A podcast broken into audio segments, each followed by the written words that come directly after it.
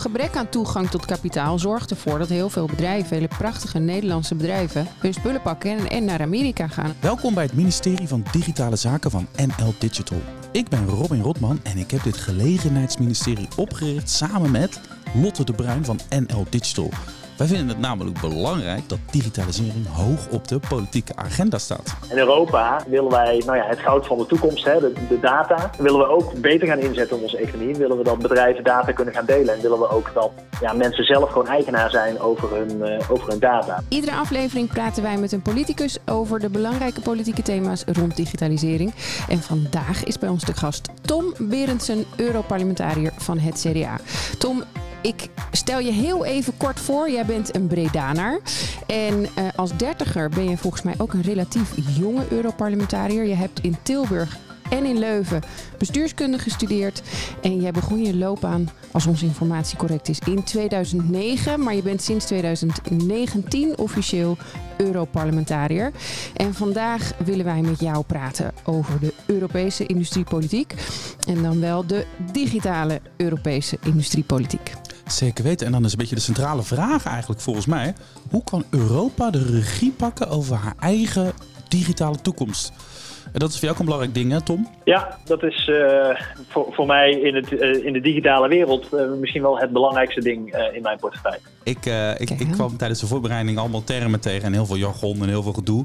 En ik wil er eentje wil ik er meteen uit de weg ruimen. Als het gaat over die regie op allerlei thema's. En heeft Europa kennelijk Important Projects of Common European Interest gedefinieerd.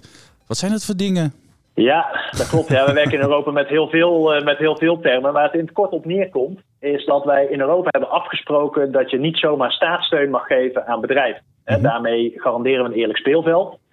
Um, maar wat we ook hebben gezegd, er zijn een aantal onderwerpen die we zo belangrijk vinden, uh, dat we daar toestaan dat er staatssteun gegeven wordt. En dat doen we dan in samenwerking met verschillende landen, verschillende bedrijven en organisaties. Mm -hmm. uh, en uh, partijen uit het kennisveld. En dat noemen we een IPSAI. En daar is er al een bijvoorbeeld rond batterijen. Er komt er eentje rond microchips.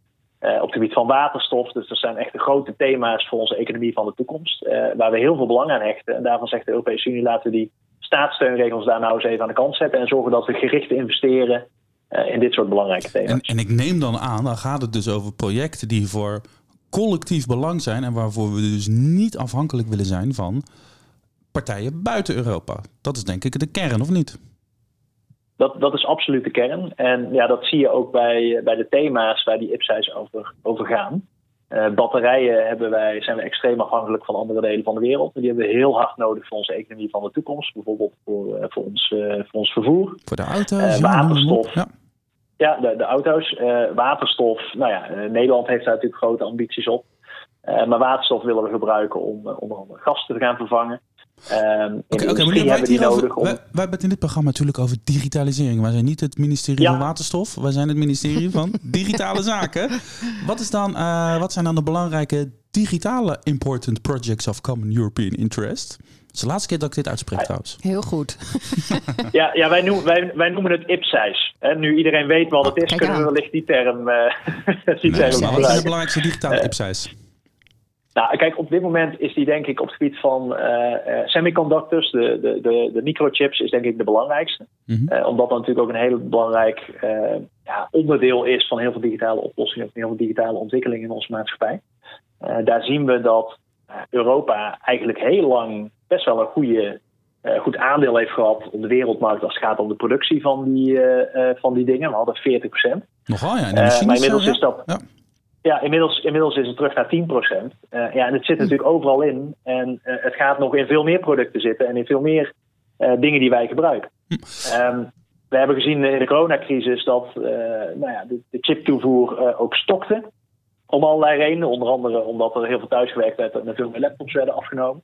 De auto-industrie is een tijdje stil komen te liggen. Een aantal productielijnen zijn stil komen te liggen. En het besef in de Europese Unie is er nu toch echt wel ja, dat we niet zo afhankelijk mogen zijn van andere delen van de wereld. En dus ook zelf moeten inzetten op onze plek in die keten uh, mm. en op eigen productie. Hey, Lotte, als jij nou naar jouw achterban kijkt, hè, de, de digitale industrie in Nederland, ja. uh, of misschien wel de gehele digitale industrie van heel Europa, waar zie jij dan kansen? Of nou voor Nederland, waar, waar, waar denk je, waar, daar zijn wij goed in en daar kunnen wij misschien een graadje mee pikken van, van dit beleid? Nou ja, ik sluit me daar wel aan. De chip-industrie zijn wij natuurlijk heel goed in. Maar ook sleuteltechnologieën. Denk aan quantum, denk aan fotonica. Uh, dat zijn ja, technologieën, onderwerpen waar we heel goed in zijn. En daarvan zou ik zeggen, laten we daar nog beter in worden. Zodat er ook um, ja, misschien wel een wederzijdse afhankelijkheid is. Als je kijkt naar het internationale toneel. Je wil niet, ik denk niet dat we alles zelf moeten kunnen of überhaupt kunnen gaan doen. Dus ga je dan richten op een aantal dingen. Maak je daar steen goed in, zodat je Um, ja, zodat je daar in ieder geval in kunt samenwerken met andere landen. Dat ze ook wat van jou nodig hebben. Um, ja, ik denk dat dat, dat dat goed is. En dat we daar volgens mij ook al mee bezig zijn. Maar dat vraagt wel om centjes. Ja, Moet er wel echt geïnvesteerd worden. Dus ik hoor Quantum, ik hoor chips. Nou, dat is al gecoverd. Uh, Photonica hoor ik hier voorbij komen. AI is denk ik ook zo'n zo'n zo'n zo'n zo'n fundamenteel uh, ding. Tom, zijn dat ook de dingen waar jij naar kijkt? Ja, ik, uh, ik, ik ben in het Europees Parlement rapporteur, zoals we dat noemen, op dit gebied. Dus ik schrijf voor het hele Europese parlement onze industriestrategie. Hoe moeten wij naar industriepolitiek kijken? En ik ga daar ook in oproepen om ook een IPSI te starten op het gebied van uh, fotonica. Uh, inderdaad, een hele belangrijke. Je ziet ook uh, op dit moment een IPSI rond uh, clouddiensten ontstaan. Is dat dat waar we in Europa ook. Nee, dat, ja, dat staat dan weer los van elkaar. Okay, gaan we het zo even, daar wil ik het zo over hebben. Daar wil ik het zo even ja, ik wou zeggen, dat, ik denk dat het interessant Maar wat ik een hele terechte opmerking vind, is die wederzijdse afhankelijkheid. Hè? Dus ja, we moeten uh, zorgen dat we minder afhankelijk worden van anderen. We moeten sterk inzetten op dingen waar wij uh, goed in zijn. maar het is inderdaad heel belangrijk dat als wij. We kunnen niet alles zelf. We houden een afhankelijkheid van anderen. Maar als je aan die geopolitieke onderhandelingstafel zit. Ja, dan moet je wel zorgen dat jij ook dingen op tafel kan leggen die de anderen willen hebben. Ja. En, en, en nou ja. Moet je dan gaan inzetten op de, op de dingen waar, waar je al goed in bent? Of moet je misschien juist in gaan zetten op de dingen waar je nog niet zo goed in bent? Het, ik, ik, denk dat het een combinatie is. Uh, er zijn een aantal dingen waar wij heel goed in uh, zijn. Uh, heel concreet, dingen die andere delen van de wereld willen hebben, is bijvoorbeeld, dat zijn de machines van ASML. Mm -hmm. dat is de kennis van, van een aantal zaadveredelingsbedrijven die, wij, die we in Nederland hebben. medische apparatuur van Philips. er zijn een aantal zaken waar we heel sterk in zijn. Ook een aantal sleuteltechnologieën, fundamenteel onderzoek waar we, waar we goed in zijn. Um, en tegelijkertijd, ja, je kunt je ook niet alleen richten op waar je goed in bent, omdat dingen ook kunnen stokken aanleveringsketens. En dat heb ik gezien bij die, bij die chips. Ja, daar zijn we gewoon echt te afhankelijk. Um, en zullen we ook zelf moeten gaan produceren. En dan worden we misschien geen wereldleider in het produceren van uh, de kleinste en meest geavanceerde chips. Maar kunnen we wel misschien een dusdanige hoeveelheid produceren dat we uh, als die wereldwijde ketens Um, dat we in ieder geval in een basisbehoefte kunnen voorzien of zo. Ja. Dat we een basisbehoefte hebben. Ja, ja, dat is absoluut belangrijk. We hebben altijd een, eh, een, rubriek, dat is de vraag uit het veld. Um, en deze keer gaat hij over zeg maar, de kritieke infrastructuur, die natuurlijk ook belangrijk is als het gaat over, over de regie op onze digitale toekomst. En uh, daar gaat onze vraag uit het veld vandaag over, uh, Lotte, toch? Ja, zeker. Ja, ik, ik leid hem ook nog even in. Want het, als je kijkt naar fotonica of quantum, dat soort zaken, dat werkt natuurlijk niet als je niet voor zorgt dat je die infrastructuur goed, uh, goed op orde hebt. Dus um, even kijken. De vraag van vandaag die komt van Patrick Blankers. En hij is hoofd regelgeving van Ericsson Nederland. En zijn vraag, die krijgt een kleine inleiding ook. De Europese Rekenkamer heeft onlangs in een rapport geconcludeerd dat de Europese vijf, het, het Europese Europese 5G-beleid te traag en te versnipperd is. Er wordt als voorbeeld gegeven dat iedere lidstaat een andere keuze heeft gemaakt ten aanzien van de Europese 5G Cybersecurity Toolbox. Cybersecurity regelgeving is namelijk een zaak voor lidstaten en niet voor Brussel. Welke mogelijkheden ziet u om in de toekomst een meer uniform, dan wel een meer centraal geregeld Europees beleid ten aanzien van 5G te gaan voeren? Ben benieuwd, Tom. Hoe gaan we dat regelen, 5G en straks misschien ook 6G als het eenmaal zover is? Hoe gaan we dat wat Europese doen? Ja, ja dat is een hele goede vraag. Uh, en ook een hele uh, actuele vraag. Want uh, wij nemen dit op, op woensdag op. En op maan, afgelopen maandag is de Rekenkamer met dat rapport gekomen. En ja, daar, daar staan wel hele zware conclusies in. 5G is natuurlijk de basis van heel veel ontwikkelingen die onze samenleving doormaakt. en onze, ook e onze economie. En die infrastructuur moet goed zijn. Nou, daar zal de eerste kritiek op, omdat landen achterlopen met de invoer van 5G. Mm -hmm. maar ook een hele belangrijke kritiek is dat wij in de uitvoer uh, van die werkzaamheden, in het aanleggen van die infrastructuur, ook wel heel afhankelijk zijn van uh, uh, ja, niet-Europese producenten. er zijn zes van de acht grootste leveranciers die komen niet uit de Europese Unie. Ehm, en daar zit een aantal risico's aan. Daar zit sowieso in de eerste plaats vind ik dat wij voor dit soort kritische infrastructuur, hè, zo werd het al genoemd, niet afhankelijk moeten zijn van andere delen van de wereld. Ehm, we hebben het risico, geeft de Rekenkamer ook aan, dat die partijen ook onder andere wetgeving vallen dan de Europese. Hè. Dat kan iets betekenen voor de bescherming van persoonsgegevens bijvoorbeeld. Um, en de Europese Rekenkamer geeft ook aan, ja jongens, er is niet geanalyseerd wat betekent dat nou als bij wijze van spreken Duitsland wel Huawei uit China toelaat eh, eh, en, en, apparatuur laat leveren uh, voor 5G. en Zweden, hoe wij juist uitsluit. Kijk, en dat, wacht, nu ga ik even onderbreken, want dit is dus precies wat deze meneer van Ericsson signaleert. Die zegt dus inderdaad, die ziet dus ook, ja, de Duitsers die zeggen wij hebben gewoon bepaalde uh, maatstaven die wij hanteren. En als een bedrijf daar al voldoet en die komen met de beste prijs, gaan we daar gewoon mee in zee. Andere landen die zeggen wij zijn eh, bang voor de Chinezen, dus wij komt er gewoon niet in. Ook of dat nou wel of niet helemaal bewezen is. In Nederland zijn we ook kritisch daarnaar.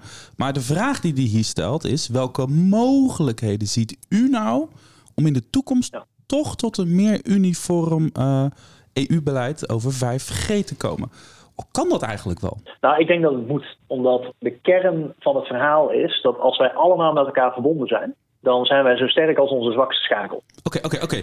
Wat zijn de mogelijkheden om daartoe te komen? Hoe ga je dat doen? Dat betekent dat je uh, het zal moeten gaan coördineren. Hè? Dat is ten eerste uh, niet alleen op lidstaatniveau, maar op Europees niveau strenge voorwaarden gaan stellen voor hoe geven wij die infrastructuur vorm. Uh, wat nog veel belangrijker is, is dat wij ervoor zorgen dat de Europese industrie op dit gebied gestimuleerd gaat worden. Want we hebben op dit moment te weinig Europese partijen die uh, competitief zijn met wat bijvoorbeeld die Aziatische spelers aanbieden. En als wij meer Europese partijen willen, en volgens mij willen we dat, uh, dan moet je zorgen dat die industrie ook gestimuleerd wordt. En bij 5G Ericsson, lopen... hij stelt die vraag natuurlijk niet voor niks. Ja, Nokia, Nokia, ja, Nokia, Nokia en Ericsson. Nee, maar dat, dat klopt. Hè. Nokia en Ericsson zijn daar partijen in. Ehm, we moeten die gaan stimuleren. We moeten zo, dit is een, een, een strategische sector. 5G-infrastructuur is strategisch. En we lopen bij 5G hopeloos achter de feiten aan. Laten we er dan ook meteen de lessen uittrekken. En stevig inzetten op de ontwikkeling van 6G. Over, uh, bij wijze van spreken, tien jaar uh, uh, moeten we daar de eerste dingen van zien. Um, ja, laten we dat nu al inzetten en zorgen dat de fouten die we eigenlijk gemaakt hebben bij 5G, dat we die bij 6G uh, niet meer kennen. Hm. Even kijken, want jij zegt van wij moeten dat dan gaan stimuleren. Dan denk ik dat dat ook een financiële, dat, dat zal ook investeren kunnen zijn. Um, maar hoe zorg je nou voor die uniformiteit in alle verschillende landen? Dat lijkt me zo'n uitdaging. Wil je, kan je dat wettelijk uh, afdwingen? Welke middelen heb jij vanuit Europa om dat uniform of centraal aan te pakken. Maar dan moet je gewoon zeggen, die Duitsers en die Zweden en die, en die Engelsen en, en die Nederlanders, die moeten dus allemaal op dezelfde manier daarmee om willen gaan. En nu zijn ze, liggen ze zo ver uit elkaar eigenlijk. Ja, en ik denk dat, dat althans vanuit mijn lekenpositie hoor, uh, als ik kijk naar Europa, uh, is dan, dan via wetgeving.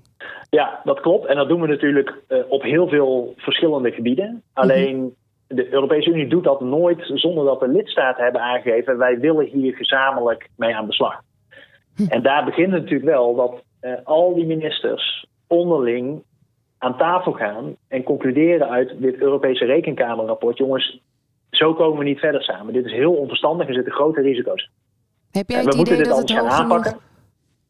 Heb jij het idee dat het hoog genoeg op de agenda staat bij de verschillende lidstaten? Uh, nog niet. Uh, en daar zijn heel veel verschillende voorbeelden van waar dit vijf, nou ja, de afhankelijkheid in 5G een, een voorbeeld van is. Maar mm -hmm. dit moet hoger op de agenda. En vervolgens moeten de lidstaten ook zeggen: oké, we willen hier gezamenlijk stappen zetten. De Europese Commissie komt nou eens met een aantal voorstellen. Ja. Op het gebied van het stellen van standaarden, op het gebied van Europese coördinatie. En op het gebied van het stimuleren van de industrie, van die bedrijven, van de technologie. Eh, op Europese leest geschoeid. Uh, zodat we daar in de toekomst uh, nou ja, niet meer in dezelfde situatie ja, komen. Dit is één deel, dit is de hardware. Dit is 5G, dit is straks 6G. Over een paar jaartjes, oké, okay, hier, hier moeten we dus iets mee. Jij bent ervoor aan het ijveren. Dan heb je ook nog allemaal data die over die, uh, over die, over die lijntjes moeten gaan lopen, zal ik maar zeggen. Uh, we werken, het viel net ook Gaia X. Als ik het goed omschrijf, is dat een soort Europese cloud, Europese methode voor dataopslag.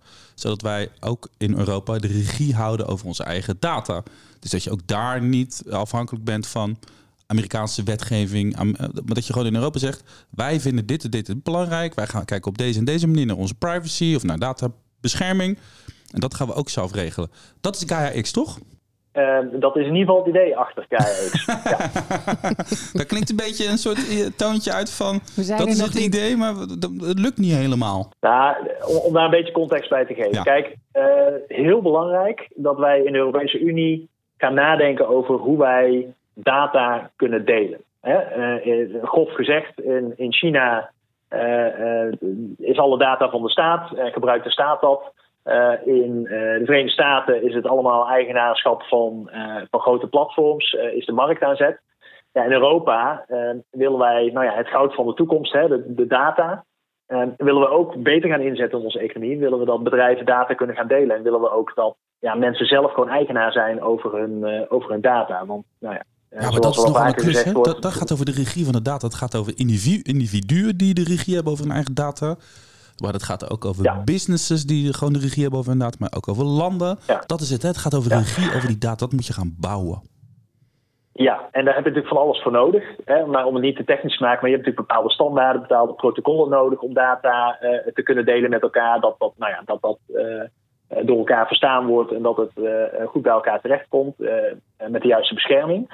Maar wat is nou eigenlijk het probleem bij Gaia X, wat mij betreft op dit moment? Uh, het wordt niet Europees gefinancierd. Het wordt op dit moment door Duitsland gefinancierd. Weliswaar uh, ook wel uh, via een Europees potje, maar laten we niet te technisch maken. Maar mm. het, is, het, is, Duitsland die hier zich op dit moment achter heeft gezet met een aantal partijen.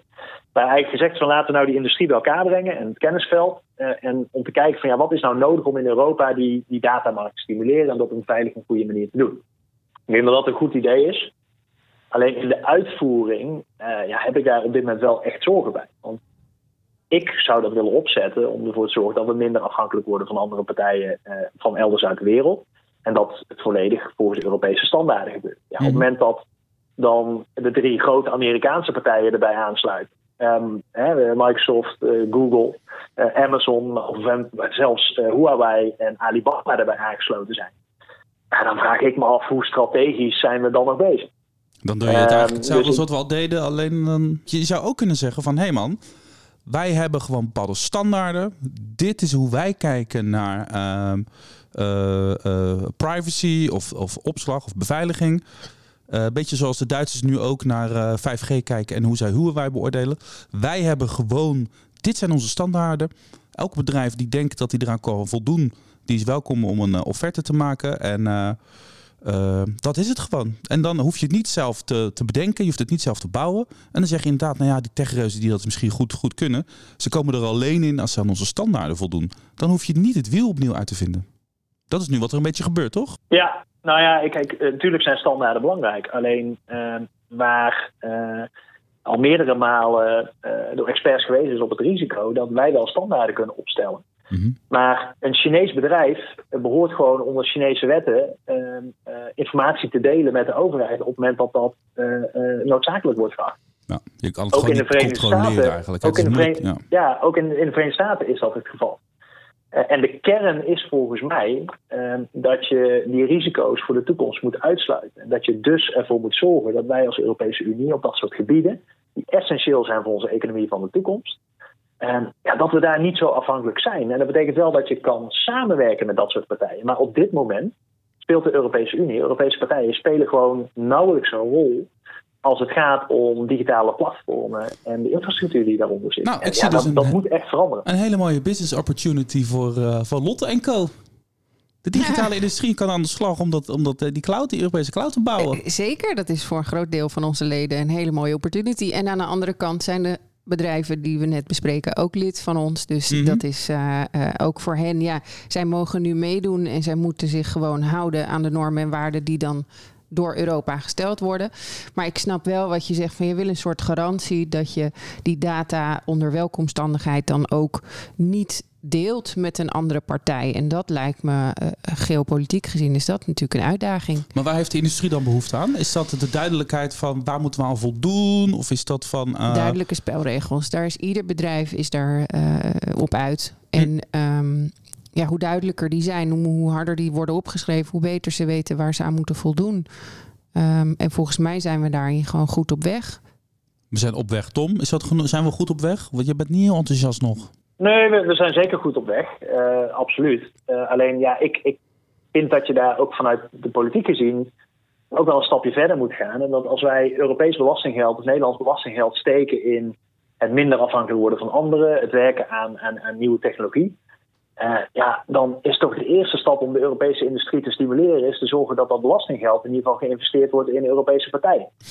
Er zijn en, paar, ja, Daar, maak ik me, daar maak ik me gewoon heel veel zorgen over. Ja, dat snap ik wel. ik denk niet dat we dat op dit moment op de juiste manier doen. Nee, kijk, dan heb je het over gelijke toegang. En als je het hebt over gelijke toegang, heb je soms wil je iemand een zetje geven. En in dit geval zeg jij dus, dan willen we onze Europese cloud providers een zetje geven uh, door middel van financiering of, of Nederlands belastinggeld.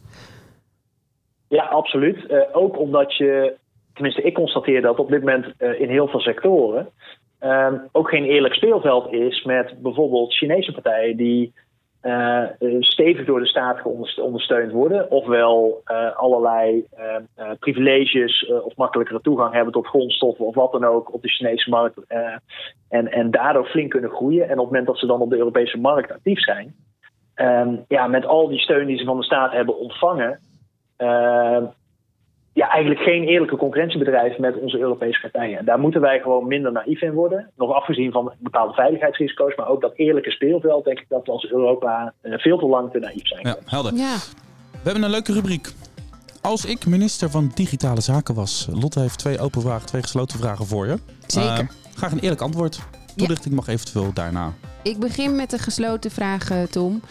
Uh, de eerste is: als ik minister van Digitale Zaken was, dan zou ik flink extra investeren in de aanpak van cybercrime. Ja. Dan ga ik naar de volgende. Als ik minister van Digitale Zaken was, dan zou ik het mogelijk maken dat elke Nederlander zich gratis kan omscholen naar een digitaal beroep met toekomstperspectief. Uh, ja, Ah. Oh, ik wil straks uh, waar, horen waar die uh, wat die uh ja. is.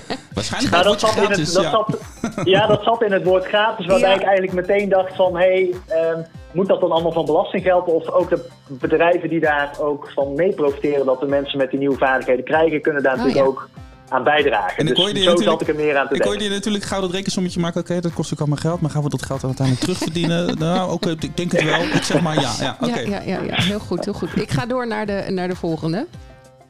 Uh, wat hoop je als minister van Digitale Zaken dat digitalisering Nederland brengt de komende tien jaar? Dit vraagt om visie. Ja, wat, kijk, uh, een aantal dingen. Ten eerste denk ik dat uh, naast de energietransitie is de digitale transitie het belangrijkste waar wij nu als samenleving voor staan. En dat betekent dat ik aan de ene kant hoop dat we het voor elkaar krijgen dat de Nederlandse samenleving, het Nederlands bedrijfsleven, optimaal profiteert van de kansen die het gaat bieden. Maar ook dat digitalisering een oplossing kan zijn, zodat mensen ook mee blijven komen. En dat zit in vaardigheden, maar ik denk dan bijvoorbeeld ook aan uh, ja, dorpen en wijken waar de gemeente wegtrekt, waar de zorg wegtrekt, dat uh, daar waar het niet mogelijk is om dat fysiek terug te brengen, met digitale oplossingen ervoor zorgen dat mensen aangesloten blijven. Dat mensen uh, toegang tot voorzieningen houden. Um, ik denk dat die combinatie van de economische kansen plus zorgen dat mensen mee kunnen, dat dat, uh, ja, dat, dat, dat al twee in ieder geval onderdeel van die visie zou Dus het is eigenlijk digitalisering als tool voor inclusie. En dan gaat Lot dat heel erg Ik van word daar heel blij van. Ja, ja zeker. Zijn we heel erg met elkaar eens. Dan de laatste. Welk, van welke ontwikkeling in digitale technologie word jij als minister van Digitale Zaken ontzettend blij? Dus dit is meer iets persoonlijks. um... Nou, het eerste waar ik aan moet denken, maar ik, kan me zo voorstellen dat veel luisteraars dit een ontwikkeling vinden die al, uh, al van vele jaren terug is. Uh, maar ik ben natuurlijk als Europarlementariër, en als ik minister van Digitale Zaken zou zijn, zal ik waarschijnlijk net zoveel uh, van huis weg zijn. Uh, ben ik toch wel heel erg blij met het beeldbellen wat ik iedere avond zo net na etenstijd thuis kan doen met mijn twee kleine kindjes. Uh, als dat in de toekomst nog op een uh, nog efficiëntere of uh, technologische hoogwaardige manier kan, is dat ook hartstikke mooi. Maar, ja, dat papa ja, gewoon als een soort hologram in beeld verschijnt in de woonkamer. En dat die gewoon, kids aan van jou... gewoon aan tafel zit. gewoon en, aan tafel zit. En dat de kids van jou gewoon in je, in je, woon, in je, in je, in je kamer staan in, waar je ook zit, in, in Brussel of Straatsburg. Ja. Aan de andere kant moet ik wel zeggen dat als dat dan weer mogelijk mogelijk is dat je misschien ook geneigd bent om dan maar vaker weg te zijn. Dat is volgens mij ook niet de bedoeling. Nee, dus, nee zeker niet. Het, het, contact, het contact is mooi, maar het moet niet als vervanging van dienen. We het zo zeggen. Nee. Het centrale thema is natuurlijk die regie. Hè? en je, de, de term geopolitiek heb jij ook al in de mond genomen net. Eurocommissaris Breton die zegt: The mastery of technology is central to the new geopolitical order. Oftewel, uh, degene die de technologie beheerst, die daar voorop loopt, die gaat wel een beetje de dienst uitmaken in de geopolitieke zin. Um, dat is ook een beetje het thema van dit gesprek. Hè? Um, en dan moet ik ook gelijk denken aan het beeld die ik steeds weer naar voren haal van een van onze eerdere gasten, van uh, Barbara Katman. Die zegt: We lopen als het over technologie vaak gaat, vaak als een soort ziek paard achter de, achter de ontwikkelingen aan. Oftewel, uh, er zijn allerlei ontwikkelingen en dat, het lijkt altijd een beetje alsof dat een soort organisme is wat buiten ons bestaat. En we reageren daar een beetje op. Terwijl je kan een heleboel dingen aanzien komen. Die zijn nu bezig. Je kan de lead misschien wel pakken en de norm bepalen. En er zijn er een paar dingen die ik met je wil doornemen. Uh, bijvoorbeeld uh, de quantumcomputer. Uh, de metaverse, Lotte zei het net ook al, dat komt ook op ons af. Nou, AI die is al wat dichterbij, zitten we midden, middenin. Hoe zie je dat? Zijn we daar handig genoeg in? Trekken we die genoeg naar ons toe nu? Nou, ik heb wel een hoge pet op van de mensen die hier in Nederland mee bezig zijn en, en in Europa. Mm de uitdaging in Europa is altijd wel is eigenlijk daar waar we sterk in zijn, namelijk standaardiseren. Hè. Europa is een regelmachine en wij zetten de standaarden ook voor de rest van de wereld. Zorgt er natuurlijk soms ook voor dat je uh, als onderzoeker en, en als bedrijf met innovaties misschien ook niet altijd even snel kan als je eigenlijk zou willen. En als je in de rest van de wereld wel ziet gebeuren. Oké, okay, een heel leuk voorbeeld. Als ik, neem die quantumcomputer. Er zitten in Delft zitten een paar genieën die zijn daar gewoon bruut goed in. In Nederland zijn we, lopen we gewoon voorop in de wereld als het gaat over de ontwikkeling van een quantumcomputer, quantumtechnologie. Er zijn ook een heleboel commerciële bedrijven die zijn ermee bezig. Maar op dit moment, uh, als je het hebt over, over, over dat sprintje wat getrokken moet worden, gaan we echt aan kop. Uh, hoe zorgen we er nou voor dat we over vijf of tien jaar niet tegen elkaar gaan zeggen van ja, shit man, ja, we zijn er nog steeds goed in, maar we hebben het niet omgezet in grote economische daden. We, zijn niet, we hebben niet de lead vastgehouden alleen maar omdat we dat niet genoeg firepower of zo. Want volgens mij zit het hem daar een beetje. Maar jij voelt het misschien beter aan dan ik. Uh, is, dat, is dat een voorbeeld waarvan je zegt van ja, daar moeten we die, dat, dat moeten we faciliteren. Daar moeten we in Europa de lead pakken, de kwantumtechnologie. Ja, uh, absoluut. Uh, en in Europa zijn wij vooral sterk in samenwerking. Samenwerking op poten zetten. Wij, wij hebben natuurlijk een aantal grote Europese bedrijven, maar de echte megabedrijven die, die zitten toch elders in de wereld. Dus wij hebben het in Europa nodig van samenwerking. Uh, waarbij je ervoor moet zorgen dat je uh, die partijen bij elkaar brengt, het ecosysteem ondersteunt. Uh, dat deze ontwikkelingen mogelijk maakt, dat het verder onderzoek mogelijk maakt, maar dat er ook voor zorgt dat ehm, de kennis die we hebben ook uh, naar de markt gebracht wordt. En dat is ook iets waar Europa echt nog wel verbetering verdient. Wij zijn, we kunnen hele goede dingen verzinnen. Uh, maar om vervolgens ook die innovatie naar de markt te brengen, uiteindelijk, uh, daar zijn we wat minder goed in. En dan moet je dus zo'n heel ecosysteem moet je neerzetten. En waar ik wel in geloof, is dat je een aantal onderwerpen moet kiezen, waar quantum er een van is, waar fotonica er een van is, waar je dat heel bewust moet doen, Europa breed, partijen bij elkaar zetten, meefinancieren. Um, want ook kapitaal is uiteindelijk natuurlijk een hele belangrijke hierin. We zien natuurlijk de, de, nou ja, de kapitaalstromen in, in Azië en in de Verenigde Staten zijn vele malen groter dan wat we in Europa soms op de been brengen. Um, en ja, dat, dat, die toegang tot kapitaal is wel heel belangrijk. Ja, maar, maar, maar, gebrek, aan, ja, nou, gebrek aan toegang tot kapitaal zorgt ervoor dat heel veel bedrijven, hele prachtige Nederlandse bedrijven, hun spullen pakken en, en naar Amerika gaan. Omdat daar 20 miljoen investeren is iets wat uh, nou, makkelijk gedaan wordt. Natuurlijk met een goed businessplan. En in Nederland is dat heel moeilijk. Dus daar moeten, dat, dat onderstreep ik, daar moeten we absoluut wat, uh, wat beter in worden. Maar eh, en, en, en, ik hoor nu heel veel goede bedoelingen van Tom. Uh, En die hoor ik van heel veel politici. Maar is dit nou in de praktijk, eh, werkt dit ook zo dan? Niet dus eigenlijk. Nou, ik denk dat het heel lastig is om in de praktijk te brengen, omdat het over zoveel verschillende schakels gaat. Kijk, überhaupt, we hebben het uh, al heel even gehad over soevereiniteit en autonomie. Maar dat vraagt dat al deze lidstaten met elkaar gaan samenwerken. Als wij willen dat fotonica en quantum ons ding wordt, dat we daar de allerbeste in worden, dan moeten we een 5G, 6G-netwerk hebben wat niet ophoudt bij de landsgrenzen. Want dan kan je al niet verder. Dus die, die goede intenties, die snap ik. Uh, uh, die hebben wij natuurlijk ook. Maar het gaat over zoveel verschillende lagen dat het in de praktijk uitvoeren, uh, dat dat best lastig is. Ja, hè, Tom? Ja, nee, absoluut. En ik, ik, ik, zie daar wel een verandering in de Europese Unie die, die hierbij kan helpen. En dat gebeurt ook op heel veel andere onderwerpen. Maar we zijn in de Europese Unie heel lang bezig geweest met onze eigen Europese markt. Daar een eerlijk speelveld bewaken tussen de verschillende Europese partijen, et cetera. Maar de uitdagingen van de wereld, uh, de grote uitdagingen van de toekomst, die, die spelen zich ook af buiten onze landsgrenzen. Als Europa sterk staan in de wereld tegenover grote andere machten, waar we niet altijd meer op kunnen rekenen waar we dat in de toekomst of in het verleden wel deden. En juist die uh, kennis van dat we het samen zullen moeten doen, dat we echt in Europa samen stappen moeten zetten, uh, zodat we wereldwijd een sterkere speler worden. En ja, dat, dat bewustzijn is er steeds meer en dat draagt ook wel bij aan dit soort ontwikkelen. Dat we inderdaad zeggen, quantum, hier gaan we Europees de partijen bij elkaar brengen, financiering bijzetten vanuit staat, vanuit privaat. Ja. Um, en zorgen dat we er echt stappen gaan zetten. Nog zo'n leuke en ik zie daar dat ook zie ik echt, ook. Nog zo'n leuke ik zie daar ook echt goede ontwikkelingen. De metaverse. Dat is natuurlijk nu het, de, de, de, de hype van de dag. Allemaal grote uh, bedrijven zijn daar nu mee bezig. Je voelt, iedereen voelt ook wel een beetje aan zijn water aan. Dat het internet van de toekomst wordt driedimensionaler. Virtual reality, internet gaat op een of andere manier een beetje samensmelten. Je leest elke dag in de krant wel, wel, wel, wel grote beloftes en toepassingen worden ons gepresenteerd. Niemand weet volgens mij nog precies hoe dit eruit gaat zien, maar dat er een, bepaalde vorm van internet en connectedness komt. En dat de, de driedimensionaliteit daar een rol gaat spelen, dat voelen we allemaal wel aan. Dat zie je volgens mij nu van mijlenver aankomen. Je, je weet ook, de partijen die daar nu al echt uh, zaken van maken, die zijn ook al bekend. Is, het al, is er al een, uh, een rapporteur uh, metaverse aangesteld? Volgens mij niet. Heb je interesse? Ehm, maar zou dat wat zijn? Of is dat een beetje naïef van mij?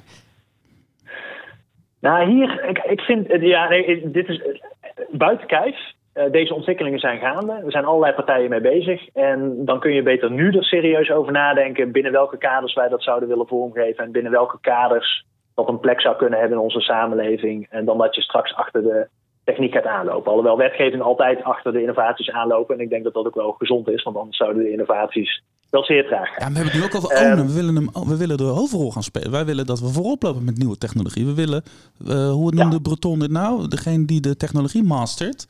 Die, uh, die heeft gewoon een streepje voor in de geopolitieke verhoudingen.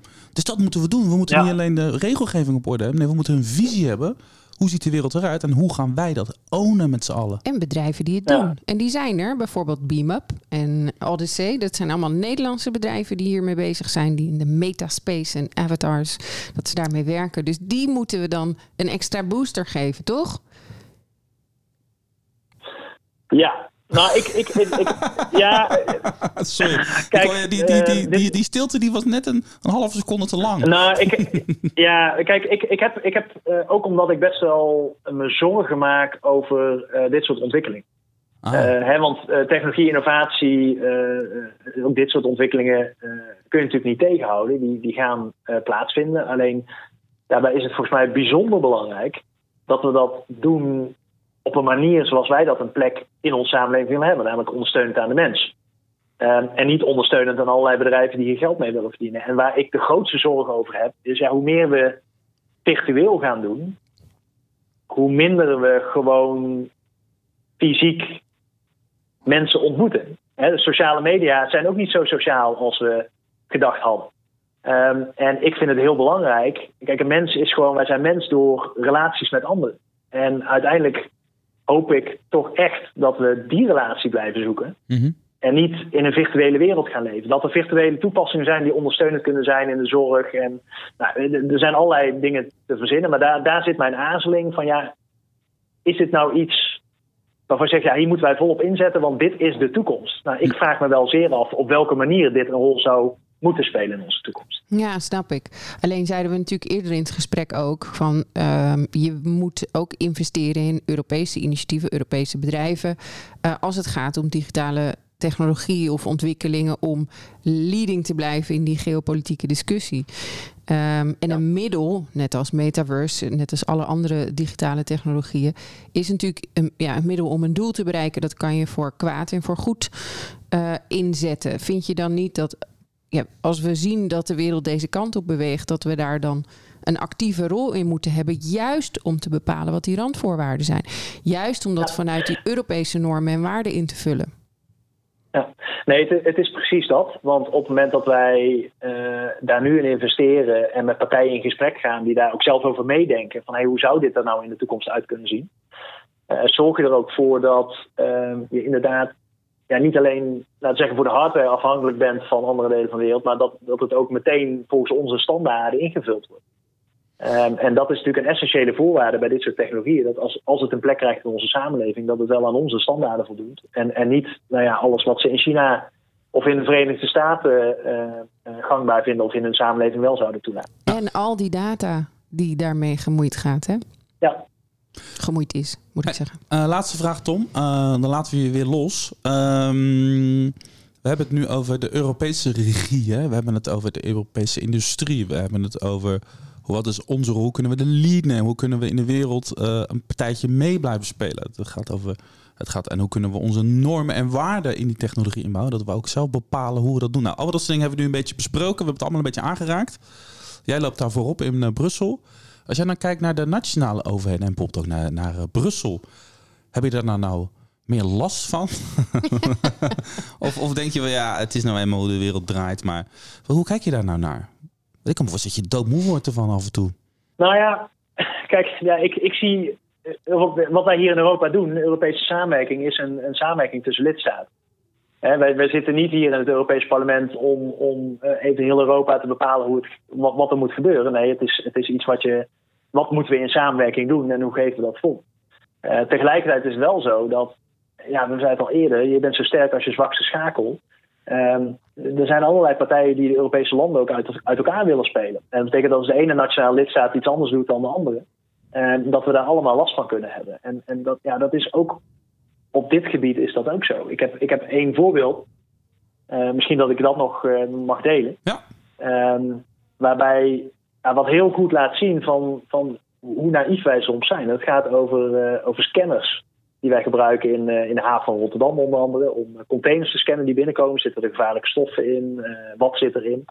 Maar ook poortjes op Schiphol bijvoorbeeld. Mm -hmm. die zijn op dit moment van, van Chinese makelij. Van het bedrijf Nuctec. Is staatsgelieerd en is ook, is ook gelieerd aan het leger in, in China. nou, op dit moment zijn dat standalone units. daar, daar kan een bepaald risico aan zitten, maar daar gaat het mij nog niet eens om. Waar het mij om gaat, is, we hadden het net over AI bijvoorbeeld dat zijn toepassingen die je in dat soort apparatuur in de toekomst ook steeds meer gaat zien. Hè? Mhm. Algoritme, machine learning, et cetera. Nou, hoe ontwikkel je die? Door data, veel data te verzamelen, die te analyseren. Uh, wie verzamelt op dit moment de data aan in 26 van de 27 lidstaten? Ja, dat is dat Chinees bedrijf. Dan weet je dus zeker dat A, die contracten al niet terechtgekomen zijn bij Europese partijen. Want blijkbaar hebben we dat belastinggeld geïnvesteerd in Chinese apparatuur. En dat de Chinezen er ook heel veel inzicht hebben op hoe wij onze zaakjes regelen. Dus ook wat er dat zij inzicht hebben, ja. maar ook dat de toekomst van die technologie en van die scanapparatuur, namelijk met gezichtsherkenning, uh, met uh, gebruik van big data, et cetera, dat zij ook in staat zijn die technologie te ontwikkelen, omdat zij de data verzamelen aan onze grenzen. En de Europese partijen dat dus niet doen. Ja.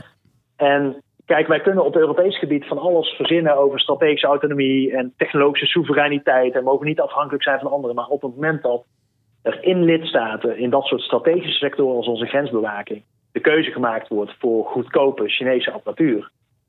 Uh, met misschien, uh, kijk, nou ja, het is standalone, dus uh, het is, we zien het nog niet als groot risico.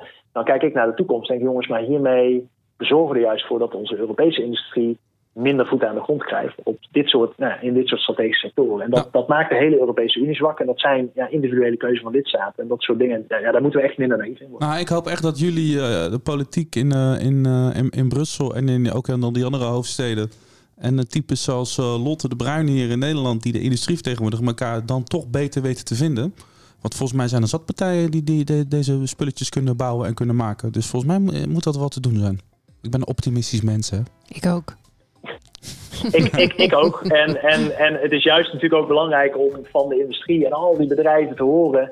ja, welke ontwikkelingen zij er zien aankomen. Want ja, laten we heel eerlijk zijn, dat de, de politici zien die waarschijnlijk niet als eerste. Dat zijn echte mensen in het veld die weten welke kant het op gaat of welke kant het op kan gaan. En daarom moeten we denk ik ook goed uh, met elkaar in gesprek. Dat vind ik een mooie opmerking voor ons voor de, voor de round-up. Zeker. Hij legt de bal een beetje bij jullie neer nu, eh, Lotte. Jullie zijn uh, gewoon degene die moeten kunnen aangeven... Oké Brussel, dit en dit en dit komt, komt eraan. Ja. let op. Ja, eens. En ik denk dat we die rol ook pakken. Ik denk dat deze podcast daar een onderdeel van is. Is hoe verhoudt het een zich tot het ander? En hoe kunnen we elkaar beter op de hoogte houden van wat er gebeurt? En natuurlijk weten bedrijven zelf qua innovatie als eerste wat er aankomt. En we hebben denk ik een, een taak, een kerntaak om dat over te brengen. Nou, nou, hoor je het Tom? Je hebt Lotte in ieder geval aan je zijde. Vind ik een, een geweldige afsluiting. Tom Berends, Europarlementariër voor het CDA. Dankjewel voor je tijd. Heel veel succes met je mooie werk. Uh, als je nou deze uitzending leuk vond, Tom, dan kun je ook de uitzendingen van je collega's terugluisteren. Uh, van het ministerie van Digitale Zaken. En waar kunnen ze dat uh, doen, Lotte? Ja, dat kan. Uh, en overigens alle andere afleveringen, zoals je zegt, dat kan op het ministerie van Digitale Zaken.nl. of je gaat naar je favoriete podcast-app. Dankjewel, Tom Berendsen. Dank je. Dank voor de uitnodiging.